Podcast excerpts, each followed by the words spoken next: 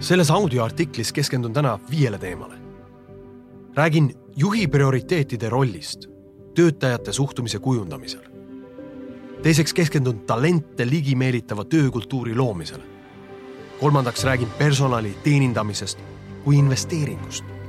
neljandaks räägin sellest, miks on kliendi positsioonilt vaadatuna eesliini töötaja või spetsialist palju tähtsam kui juht. ja viiendaks räägin töötajasse panustamise olulisusest head kuulamist. maailma üks suuremaid era- ja riigisektori uuringuorganisatsioone Gallup avaldas kahe tuhande kahekümne teisel aastal uuringu, mille järgi on Eestis oma tööle emotsionaalselt pühendunud kakskümmend viis protsenti töötajaskonnast ja seitsekümmend viis protsenti inimesi teeb oma tööd vaid raha pärast. see tähendab, et ainult kaks inimest kümnest tahab pakkuda sellist teenust, mida ettevõte oma turundussõnumites välja lubab. ja kaheksat inimest kümnest ei huvita, milline on klientide silmis nende tööandja maine, neid huvitab ainult palk. on enam kui selge, et jätkusuutlikkuse seisukohast vajab ettevõte rohkem töötajaid, keda huvitab lisaks palgale ka kõik see, mis tasu saamise üldse võimalikuks teeb. seetõttu on alustuseks kasulik küsida, et kust tuleb seitsmekümne viie protsendi töötajate kitsas fookus vaid rahale. äri tegemise eesmärk paneb liikuma põhjus-tagajärg ahela. klassikaline näide. kellelgi on atraktiivne kinnisvara ja otsustatakse teha restoran. leitakse peakokk, tehakse remont, värvatakse inimesed ja investeeritakse reklaami. sõltuvalt idee originaalsusest, asukoha mugavusest, teenuse kvaliteedist, juhtide pädevusest, personali ameti sobivusest, majanduslikust olukorrast riigis ja loomulikult heast õnnest hakkab rong liikuma. et olla uudne, meediale, kliendile ja tööotsijale atraktiivne, luuakse kodulehele ka Tule tööle osa, kuhu kirjutatakse ettevõtte missioon, visioon ja väärtused. enamasti ei ole ka välja öeldud visioon tõene, vaid pelgalt mask, mis varjab tegelikku ja ainsat eesmärki, teenida omanikele kasumit ükskõik, mida omanikud ka ei ütle või kodulehele ei kirjuta. kui raha on omanike ainus huvi, siis peegeldub see nende tõrjuvates märkustes, miimikas ja reaktsioonides igale pisemalegi töötajate ettepanekule, mis ei ole otseselt seotud rahavoo kohese suurendamisega. kui omanike ainus eesmärk on kasum ja inimesed on pelgalt kasumi teenimise vahendiks, siis nii nagu omanikud räägivad vaid rahast, teevad seda nende eeskujul ka töötajad. omanikud ise loovad oma fookusega töötajad, kellel on pidevalt tunne, et raha on liiga vähe. nii sünnib suur osa ärilisi väljakutseid. hirm, närvilisus, mossis näoga teenindajad, rahulolematud kliendid, ootejärjekorrad, konfliktid, muutustele vastu töötamine, omaalgatuse puudumine, konkurents kollektiivis puhtuse puudumine ja nii edasi. probleemide ravimiseks vahetatakse tihti välja tipp- või keskastme juht, lootuses, et uus inimene taastab progressiivse kursi. kui see ei aita, vallandatakse hoiatuseks mõni töötaja või lausa kogu kollektiiv ja tehakse ärile restart.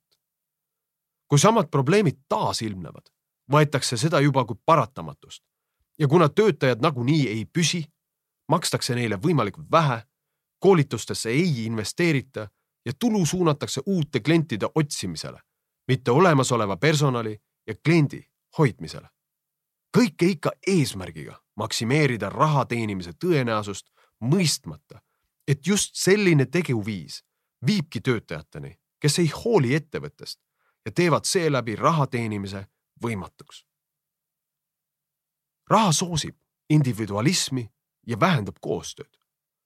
Daniel Kahneman on Iisraeli Ameerika päritolu psühholoog, kes sai oma märkimisväärse panuse eest majandusteooriasse kahe tuhande teisel aastal Nobeli preemia. oma raamatus Kiire ja aeglane mõtlemine Thinking fast and thinking slow on ilmekalt kirjeldatud, kuivõrd destruktiivne on raha mõju valdkondades, kus edu aluseks on koostöö. Kahneman kirjeldab, et kui võtta grupp andekaid inimesi ja panna neid lahendama keerukat ülesannet, siis piisab ka kõige süütumal moel raha mängu toomisest, et kõike muuta. näiteks kui ruumis, kus osalejad ülesannet lahendavad, on suvalises kohas taustal mõni rahaga seotud, kuid ülesanded endaga täielikult mitte seotud element. Monopoli mänguraha või nurgas olev arvuti, mille ekraanil on katse sooritamise ajal screensaver vees ulpivatest dollaritest, siis katsealuste käitumine muutub, ilma et nad sellest ise teadlikud oleksid. keerukat ülesannet lahendades peavad screensaverist mõjutatud inimesed enne abi saamiseks instruktori poole pöördumist vastu ligi kaks korda kauem kui teised, mis demonstreerib raha mõju inimese motivatsioonile pingutada. seni on kõik ilus.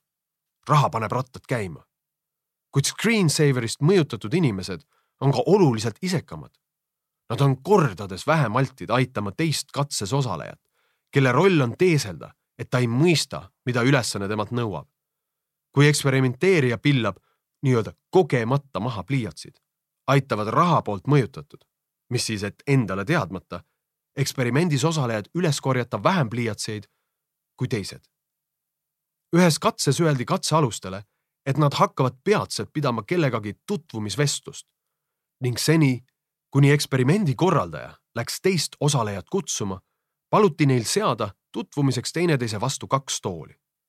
rahast mõjutatud inimesed seadsid toolid üksteisest ligi pool meetrit, kaugemale kui need, kelle ruumis ei olnud arvutiekraanil ulpivaid dollareid. peamine Kahnemani järeldus on see, et raha soosib individualismi ning vähendab usaldust ja koostööd, soovi teistesse panustada, teistest sõltuda või reageerida teiste palvetele. kõik, millest sõltub otsene rahaline edu nii teenindus kui ka tootmissektoris ja milline on raha mõju juhtidele, kes peavad selgelt tunnetama, et edasi viib mitte individualism, vaid koostöö ja kes peavad tahtma olla oma inimestel lähedal, mitte nendest kaugenema. kui kaheksa töötajat kümnest mõtleb Eestis vaid rahast, siis ehk on põhjus selles, et arvutiekraanidel hõljub liiga palju eurosid. jutt rahast on kogu aeg taustal ja see väljendub nii omanike juhtide kui ka personali käitumises. aga kaks inimest kümnest on siiski ju pühendunud enamale kui vaid raha. miks? Gallupi andmetel seisneb erinevus juhtimises, sest on leitud et, seitsekümmend protsenti töötaja pühendumusest on mõjutatud inimese otsese juhi tegudest. Gallupi uuringud näitavad, et juhid, kelle meeskond huvitub kliendist, koostööst ja tulemustest räägivad oma inimestega hoopis teistel teemadel kui enamik rahapõhiseid juhte. Nad räägivad arengust, eesmärkidest, missioonist ja töötaja tugevustest. kui lisaks rahale on eesmärk ka inimene, töötab inimene nii, et tekib ka raha. seda tõestab ka Gallupi metaanalüüs, mis võrdles kümne erineva organisatsiooni ja tuhande üheksasaja kaheksakümne äriüksuse finantsnäitajaid jaekaubanduse, finantsteenuste, pangandus ja müügisektoris. selgus, et äriüksused, millel on kõrge kliendi rahulolu, on ülejäänud üksustest üks koma seitse korda kasumlikumad. Kuid äriüksused, millel on nii kliendi rahulolu kui ka töötaja pühendumus kõrge, ületavad ülejäänud üksuseid kolme koma neljakordse kasumiga kas võib olla, et personali teenindamine ei ole kohustus, vaid hoopis investeering? majandusanalüütik ja turundusekspert Raj Sisodia koos kaasautor Jacques Shetty ja David B Wolfiga analüüsisid kuuekümne seitsme Ameerika, Aasia ja Euroopa ettevõtte, sealhulgas BMW, IKEA, Timberland, Starbucks ja teised majandusnäitajaid, mis eristuvad konkurentidest selle poolest, et panustavad võrdselt nii kliendi sisekliendi ehk töötaja kui ka omaniku huvide teenimisele. selgus, et perioodil tuhat üheksasada üheksakümmend kaheksa kuni kaks tuhat kolmteist ehk viieteistkümne aasta jooksul teenisid uuritud ettevõtted konkurentidest kuusteist korda rohkem ja ületasid turu keskmist tuhande neljasaja kuuekümne ühe protsendilise majandusnäitajate kasvuga. Sisodia, Sheth ja Wolf avastasid, et sektoris suurimad kasumit tootvad organisatsioonid on enamasti ka sektori parimad tööandjad. autorid nimetasid neid organisatsioone koondnimetusega ettevõtted, kus hoolitakse ehk inglise keeles firms of endearment. kui ainult kaks Eesti töötajatest on pühendunud, see tähendab, hoolib kolleegist, kliendist ja tulemustest ja see number on omakorda seitsmekümne protsendi osas mõjutatud nende inimeste otsese juhi tegudest, siis võimalik, et oma sisekliendist hoolimine on kasutamata strateegia, mis mõjutaks ka Eesti ettevõtte finantsnäitajaid. tekibki küsimus, kes maksab kõigi, ka omanike ja juhtkonna palga. loogiline vastus on, et palga maksab klient. Kuid see arusaam ei kajastu enamike Eesti ettevõtete juhtimismudelis. klassikalise juhtimispüramiidi tipus istub endiselt juhatuse esimees ja püramiidi põhjas on eesliini töötaja. kui küsin sellise organisatsiooni töötajatelt, nendelt, kes seal püramiidi põhjas on, et kes maksab nende palga, siis vaatavad nad mööda püramiidi üles ja jõuavad oma juhini. ehk juht maksab minu palga. kuid kes maksab juhi palga? kuna juhi pea kohal pole püramiidis enam kedagi, siis kehitab töötaja nõutult õlgu. ja kus on sellises püramiidis kõige tähtsam isik ehk palgamaksja, nii-öelda klient ise? kuna püramiid on altpoolt laienev, siis tuleb välja, et klient on kõige põhjas. midagi on nagu mäda suure tõenäosusega ei huvita kliente, kes on Selveri, Telia või Olerexi juhid, vaid neid huvitab neid teenindava inimese professionaalsus, sõbralikkus ja kiirus. Järelikult on kliendi ehk siis palgamaksja positsioonilt vaadatuna teenindaja palju tähtsam kui juht. püramiid tuleb ümber pöörata. kõige tipus on tõeline leivaisa ehk klient ja talle järgneb tähtsuselt eesliini töötaja või spetsialist raha teenimise seisukohast on seetõttu teenindaja oluliselt tähtsam kui juht, kes ümberpööratud püramiidi järgi allub teenindajale. kui nüüd sellises organisatsioonis küsida töötajalt, kes maksab tema palga, siis vaatab ta oma pea kohale ja leiab sealt vaid kliendi. ta teab, kelle käes on tema raha ja korraga omandab teeninduskoolitusel räägitav hoopis uue kaalu. tasub kuulata. palk sõltub sellest. juhil samuti tahangi öelda, et juht, sina oled kliendi teenindaja. juht, klient maksab sinu palga ainult juhul, kui ta saab täna, homme ja ülehomme väga head teenust ja teenindust. kuid sina ju ei teeninda, sinu inimesed teevad seda. järelikult sa sõltud oma inimestest rohkem, kui sa seda võib-olla endale täna teadlikult tunnistad. kõrgtasemel teenindust saavad pakkuda ainult kõrgelt motiveeritud inimesed ja kui juhi palk sõltub otseselt klienditeenindaja motiveeritusest, siis mis on sinu kui juhi töö? juhi töö on olla klienditeenindaja oma töötajatele. Teenindaja teenindab klienti, juht teenindab kliendi teenindajat. siit ka termin sisekliendi teenindus. nii nagu juht ees, nõnda teenindajad järgi. mitte ükski endast lugupidav restoran ei lubaks iialgi lauda viia musti nõusi ega närtsinud lilli. kuid ikka ja jälle viiakse klientideni närtsinud inimesed. edukas firma ja meeskonna juhtimine algab juhist. Aastal kaks tuhat üheksa nõustasin ühte Tallinna tipprestorani. olime omanikuga kokku leppinud kohtumise ja ootasin tema saabumist restorani baaris. omanik astus sisse, möödus sõnagi lausumata tõsise näoga baariletist mille taga seisis sel hetkel kolm restorani töötajat ja istus üle laua minu vastu. ma soovin, et mu teenindajad naerataksid igale kliendile, oleksid inimesi vastu võttes rõõmsad ja toredad. kas sa saad nad selliseks teha, Alar? Küsisin talt seepeale, et millise emotsiooni ta enda arvates teenindajates luua võib, kui neist tere ütlemata tõsise näoga möödub, nagu hetk tagasi. ja millist vastuvõttu pakuvad teenindajad selle emotsiooni pealt järgmisel sekundil sisenevale kliendile. seega ehk aitaks alustuseks sellest, et prooviksid ise teenindajatele rõõmsa näoga tere öelda.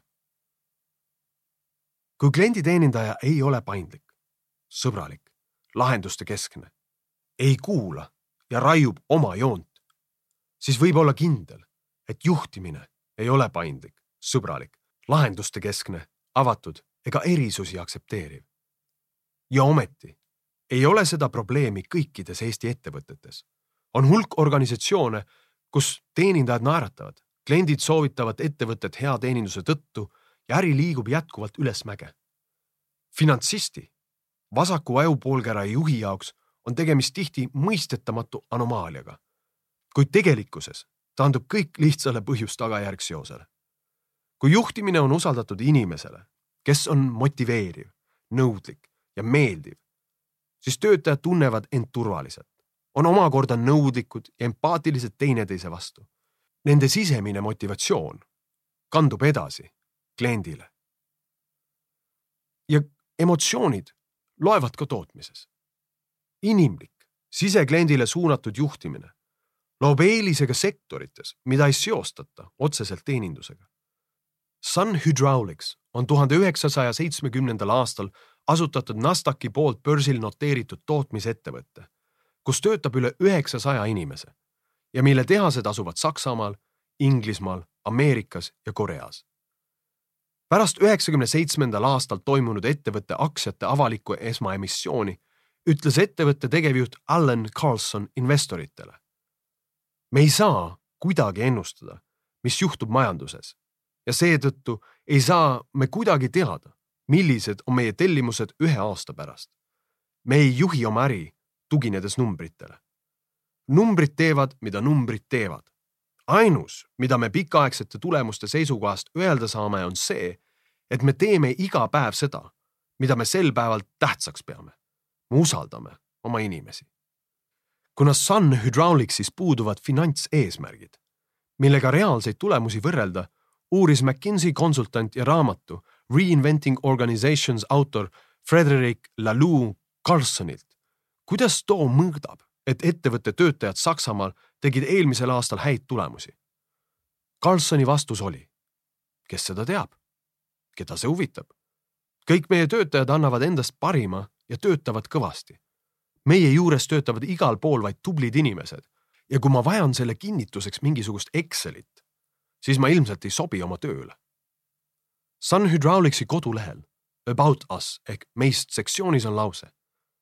Me pakume oma inimestele turvalist ja meeldivat töökeskkonda, mis võimaldab neil olla produktiivne ja kogeda oma elus rahulolu. kogeda elus rahulolu. kui tähtis on see sinu ettevõttes? Sun Hydraulicsi tootmisruumides on tuhanded rohelised taimed, et muuta töökeskkond meeldivamaks ja tööl on täiskohaga inimene kes taimede eest hoolitseb. inimkeskse juhtimise tulemused räägivad enda eest. Alates asutamisest aastal tuhat üheksasada seitsekümmend ei ole ettevõte kordagi tootnud kahjumit. kuigi käive kukkus kahe tuhande üheksanda aasta kriisi tipphetkel ligi kaks korda, oli ettevõte endiselt kasumis ja mitte ühtegi töötajat ei vallandatud. Sun Hydraulicsi brutomarginaal on keskmiselt kolmkümmend kaks kuni kolmkümmend üheksa protsenti ja puhaskasum kolmteist kuni kaheksateist protsenti. Need on numbrid, mis on rohkem omased tarkvaraarenduse, mitte tootmisettevõttele. kuid äri vajab ka numbreid, naeratusest üksi ei piisa.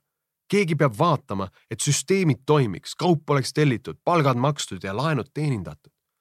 äri ongi tasakaal, see tähendab numbrid ja loogika ning inimesed ja emotsioonid kuid teenuste äris peavad ka numbriinimesed olema emotsionaalselt piisavalt intelligentsed mõistmaks, et numbrite eelduseks on head suhted.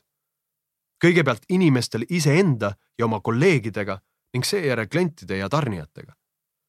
paljud juhid soovitavad välja vahetada kõik töötajad, kes ei ole oma olemuselt inimeste inimesed või isoleerida nad nii, et nad ei kahjustaks ühegi kliendiga kokku puutuva töötaja enesehinnangut. klienditeenindajatega võivad suhelda ainult need kes on neile klientide teenindamises eeskujuks. see tähendab, teenindaja peab tagatoas tundma end täpselt nii oodatu, olulise ja tähtsana nagu klient müügipinnal. kui tahad, et teenindaja ütleb kliendile jah, ei tohi sina juhina talle ei öelda. Starbucks on üks Raj Sisodia uurimismeeskonna kaardistatud hoolivatest ettevõtetest, mida keskmine klient külastab kaheksateist korda kuus makstes tassi kohvi eest kolmkümmend protsenti rohkem kui mujal. Howard Behard, mees, kes juhtis ettevõtet kakskümmend üks aastat ja kasvatas Starbucksi kahekümne kaheksast kohvikust viieteistkümne tuhandeni, kirjutab oma raamatus It's not about the coffee järgmist. ta ütleb, mitte kellelgi meist ei ole kunagi liiga kiire, et vastata või ära kuulata. kui inimesed sinu poole pöörduvad, siis teevad nad seda alati põhjusega. kui Michael Dell suudab oma emailidele vastata, siis suudame me seda kõik. kui keegi tahab sinuga kokku saada või telefonitsi rääkida, ära ütle ei. ära üldse ütle ei inimestele, kellega sa koos töötad. mitte kunagi. kui tahad, et inimesed ütleksid sinu klientidele jah, siis pead sina õppima ütlema jah oma inimestele. kui sa seda reeglit ignoreerid, siis ignoreerivad sinu töötajad kliente ning lõpetavad iseseisvalt mõtlemise ja nendega on edaspidi oluliselt raskem koostööd teha. õige pea avastad, et nad otsivad uut tööd, kus nende panus ja ideed on rohkem hinnatud. Seega unusta ära juhtkond, hierarhia, kontor või struktuur. sa oled kõnekeskus oma inimeste jaoks. see on juhtimisel su ainus roll. sa oled siin selleks, et teenindada oma inimesi, et nemad saaksid teenindada sinu kliente. kui klient maksab kogu ettevõtte personalile palga, on selge, et ainus sobiv klienditeeninduse tase peab olema nii hea, et klient tahaks jätta selle eest tippi. Seega, juht, kui klienditeenindaja panus on tagajärg sinu tegudele, siis ainus sobiv juhtimisstandard peab olema nii hea, et personal tahaks jätta selle eest sulle tippi. ehk pane täna õhtul müts lauale ja vaata, mis saab. kas tuleb mõni euro? kliendid soovitavad ettevõtet, mille siseklient soovitab omanikku. mõned aastad tagasi koolitasin ühe Eesti suurima jaekaubandusketi personali. Auditooriumis oli ligi kaks tuhat viissada kassapidajat. päeva juhatas sisse keti tegevjuht mõttega, et kui iga kassapidaja pingutuse tulemusena tekiks ketile aastas juurde üks uus klient, tooks see kaasa miljoni euro suuruse käibetõusu ja ta lõpetas oma kõne sõnadega. mõelge, kallid kassapidajad, kui õnnelikuks teeks see meie omanikud. kahtlen siiralt, et ükski kaksteist tundi päevas töötav kassapidaja sellest sõnumist indu sai. mida ülalmainitud juht ilmselt infona tegelikult vajaks, on teadmine, et enne kui panustada omaniku õnnelikuks tegemisse, tuleks õnnelikuks teha töötajad, sest ainult nii muutuvad õnnelikuks kliendid kes maksavad kõigile palga. Gallupi uuringud näitavad, et kauplused, mille töötaja heaolu on kõrge, teenivad keskmiselt üheksateist eurot ruutmeetri kohta rohkem kui madala töötaja rahuloluga kauplused. Wegmans Food Markets, seitsme miljardi eurose aastakäibega Ameerika supermarketi kett, kus töötab üle neljakümne kaheksa tuhande töötaja, on selle väite tõestuseks. läbi tipptasemel sisekliendi teeninduse on ettevõte olnud juba kakskümmend aastat järjest Fortune'i parima tööandja nimistus. aastal kaks tuhat kaheksateist oli Wegmans Google'i järel number kaks tööandja maailmas ning aastal kaks tuhat viis lausa number üks. rõhutan, tegemist ei ole tarkvaraettevõte, vaid toidupoega. Wegmansi juhtkond teab, et selleks, et omanikud rõõmustaksid, tuleb kõigepealt teha rõõmsaks personal. võib-olla sellepärast maksab Veegmans oma töötajatele sektori keskmisest viis protsenti suuremat palka. tulemuseks on aga see, et Veegmansi aastane kaadrivoolavus täiskohaga töötajate kohta on vaid kuus protsenti, võrreldes sektori keskmise kaadrivoolavusega, mis ületab kakskümmend protsenti.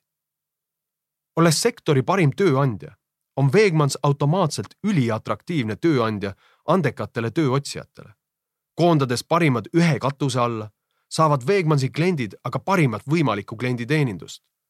strateegia, mille tulemusena on Wegmansi müügitulu ruutmeetri kohta viiskümmend protsenti suurem kui sektori keskmine. kõik see on järjekordne tõestus, et sisekliendi rahulolu eelneb kliendi rahulolule. panustad töötajasse, panustab töötaja klienti ja omanik teenibki oma miljoni. paar suve tagasi külastasin Viljandi restorani Fellin olin üllatunud, et sisenedes tervitasid mind absoluutselt kõik teenindajad. olin Fellini külastamise hetkel koolitanud juba tuhandeid Eesti teenindajaid ja jälgisin huviga, et kui pikalt naeratamine kestab. Minu imestuseks ei kadunud aga naeratus teenindajate nägudelt ka pärast vahetut kliendiga suhtlust. see oli päris naeratus, mida oli tunda ka hoolivas viisis, kuidas teenindajad üksteisega suhtlesid. ootused ületas aga hetk, mil köögist möödudes lehvitasid ja teretasid mind ka naerusuised kokad. olin hämmingus. kuidas see võimalik on? ma ei jätnud seda küsimust iseendale, vaid esitasin selle oma teenindajale, kes vastas. Restorani omanik on valinud meid enda järgi. iga kord, kui ta tööle tuleb, siis kallistab ta kõiki ja uurib siiralt, kuidas inimestel läheb. ta teeb endast kõik ja meie tunneksime end nagu kodus. Fellin on juba mitu aastat olnud Viljandi Tripadvisori klientide enim soovitatud restoran. kliendid soovitavad kohta, mille töötaja soovitab omanikku. Gallup on viimased kolmkümmend viis aastat järjest tõestanud, et andekas töötaja võib ettevõttega liituda väga erinevatel põhjustel. on see siis karismaatiline liider, helde motivatsioonipakett või maailmatasemel kontor. kuid see, kui kauaks selline töötaja ettevõttesse jääb ja kui produktiivne ta on, sõltub ainult töötaja suhtest oma otsese ülemusega. Zappos on aastal tuhat üheksasada üheksakümmend kaheksa asutatud tänaseks enam kui miljardi eurose aastakäibega online kaubamaja, kus seitsekümmend viis protsenti ostudest tuleb püsiklientidelt. ilmselge märk sellest, et ettevõte teeb midagi palgamaksja seisukohast õigesti. Zappose algusaastatel küsiti ettevõtted asutajalt, Tonis Tšehhilt korduvalt, kas tema üks unistusi on jõuda Fortune viiesaja ettevõtete hulka ja Tšehh vastas, et tema jaoks on oluliselt tähtsam jõuda parimate tööandjate nimistusse. Parima tööandja staatus muudab ettevõtte atraktiivseks kõige andekamatele töötajatele turul ja kui neid motiveerida läbi inimeste keskse juhtimise, koolituste ja kollektiivi, siis parim klienditeenindus ongi asjade loomulik tagajärg. paljude ettevõtete väärtused on suunatud kliendile. professionaalsus, teenindus, hind, toode, kiirus, kvaliteet ja nii edasi kuid need ei mõjuta tegevusi, mis on tegelikult nende väärtuste elluviimise ja hea klienditeeninduse eelduseks. kuulamine, hoolimine, austus, julgustamine, täpsus, õhin ja nii edasi. kodulehele võib ju kirjutada, et klient on tähtis, kuid selline lubadus maksab vaid juhul, kui juhid ja töötajad seda ka oma tegudes demonstreerivad. Fortune saja parimate tööandjate toppi kuuluvates organisatsioonides väärtustatakse kolleegiteenindust sama palju või kõrgemalt kui klienditeenindust, sest esimene on teise eelduseks. suurepärane teenindus on vaid jäämäe tipp, mille loob see, mida klient kunagi ei näe. meeldiv siseõhkkond, tunnustav hooliv juhtimine, arengule suunatud keskkond, motivatsioonisüsteemid ja töövahendid. edukas juhtimine nõuab aga isikuomadusi, mida ei ole võimalik õppida Gallupi väitel eksivad organisatsioonid juhtide palkamisel kaheksakümmend kaks protsenti kordadest. juhte proovitakse parandada koolitustega, kuid inimeste juhtimiseks vajalikke isikuomadusi ei ole võimalik õppida. Eesti väljakutse ongi see, et paljud juhid armastavad numbreid rohkem kui inimesi. nii on firma juhtimine kahjuks tihti numbritulpade poole kaldu ja palju olulist jääb ellu viimata. kuid kui äri eelduseks on inimene, tema suhted ja emotsioonid, siis pelgalt Exceliga tipptasemel klienditeenindust ei saavuta. kuidas saab olla, et Eestis on endiselt teenindusalasteks väljakutseteks naeratamine, sõbralikkus ja viisakus? kui uskuda, et kala mädaneb peast, siis järelikult meil on endiselt elementaarsed juhtimisalased väljakutsed naeratamise, sõbralikkuse ja viisakusreeglite omandamisega. juhid ei ole ise meeskonna juhtimisel eeskujuks sellega, mida nad töötajatelt nõuavad. päeva lõpuks ei tööta mitte keegi organisatsiooni hüvanguks. ära kunagi räägi kliendi rahulolust enne, kui sa ei ole kindel, kui rahul on sinu töötaja. kui küsid töötajalt, et mis teeks tema arvates kliendi rõõmsaks, enne kui oled küsinud, mis töötajale endale rõõmu teeks, on sama, kui naine küsiks mehelt, millist pesu ta peaks teise mehega kohtudes kandma. teenuse kujundamise ajal sisekliendile suunatud teenust kujundamata jätta on lihtsalt rumal. see on nagu sõidaks autoga, mille rehvid on tühjad. paneks end ilusasti riidesse, kuid ei peseks end. või ehitaks staadioni, kuid jätaks tribüüni disainides planeerimata rajad, kus sportlased võistlevad. ja ometi suur osa teenindussektorist täna veel nii toimibki. pealtvaatajate ehk klientide tribüünid on uhked, kuid sportlastel ehk töötajatel ei ole spordivahendeid, pesemisvõimalust ega treeningtingimusi. uskuda, et tööpind ei mõjuta personali meeleolu, on sama kui uskuda, et see, milline kodu välja näeb, ei mõjuta seda, kuidas me ennast kodus tunneme. kas sinu personali tööpind on meeldiv ja ilus? milline on valgus? kas seda on piisavalt? kas see annab jõudu või uinutab? võta eelmise aasta lahkumiskulud ja kahjum, mis tuli kaadri voolavusest ja lisa see summa sel aastal personali hoidmisele. järgmine aasta võta kogu kulu, mis läks halvast teenindusest põhjustatud kliendikaebuste rahuldamiseks ja kuluta see töötaja rahulolu tõstmiseks ja võid luua firma, kus ei ole kliendikaebusi ja kaadri voolavust. maailmakuulus juhtimiskonsultant Richard Barrett on öelnud. juhtidel on kasulik mõista, et päeva lõpuks ei tööta mitte keegi organisatsiooni hüvanguks. igaüks töötab ennekõike iseenda hüvanguks. kõik otsivad töökohta, mis looks võimaluse eneseteostuseks ja oma vajaduste täitmiseks. kui juhid ei suuda neid võimalusi luua, siis otsitakse neid mujalt. on rumal oodata, et lojaalsus on iseenesestmõistetav. ei, lojaalsus tuleb juhtidel välja teenida. Ma loodan siiralt, et selle audioartikli kuulamine oli sinu jaoks väärtuslik aeg. Ja kui see nii oli, siis kutsun sind ka kuulama minu täispikka audioraamatut Ratsionaalne emotsionaalsus, tugevad tulemused pehmetest tegudest, mille info ja lingi leiad minu kodulehelt alarojastu.com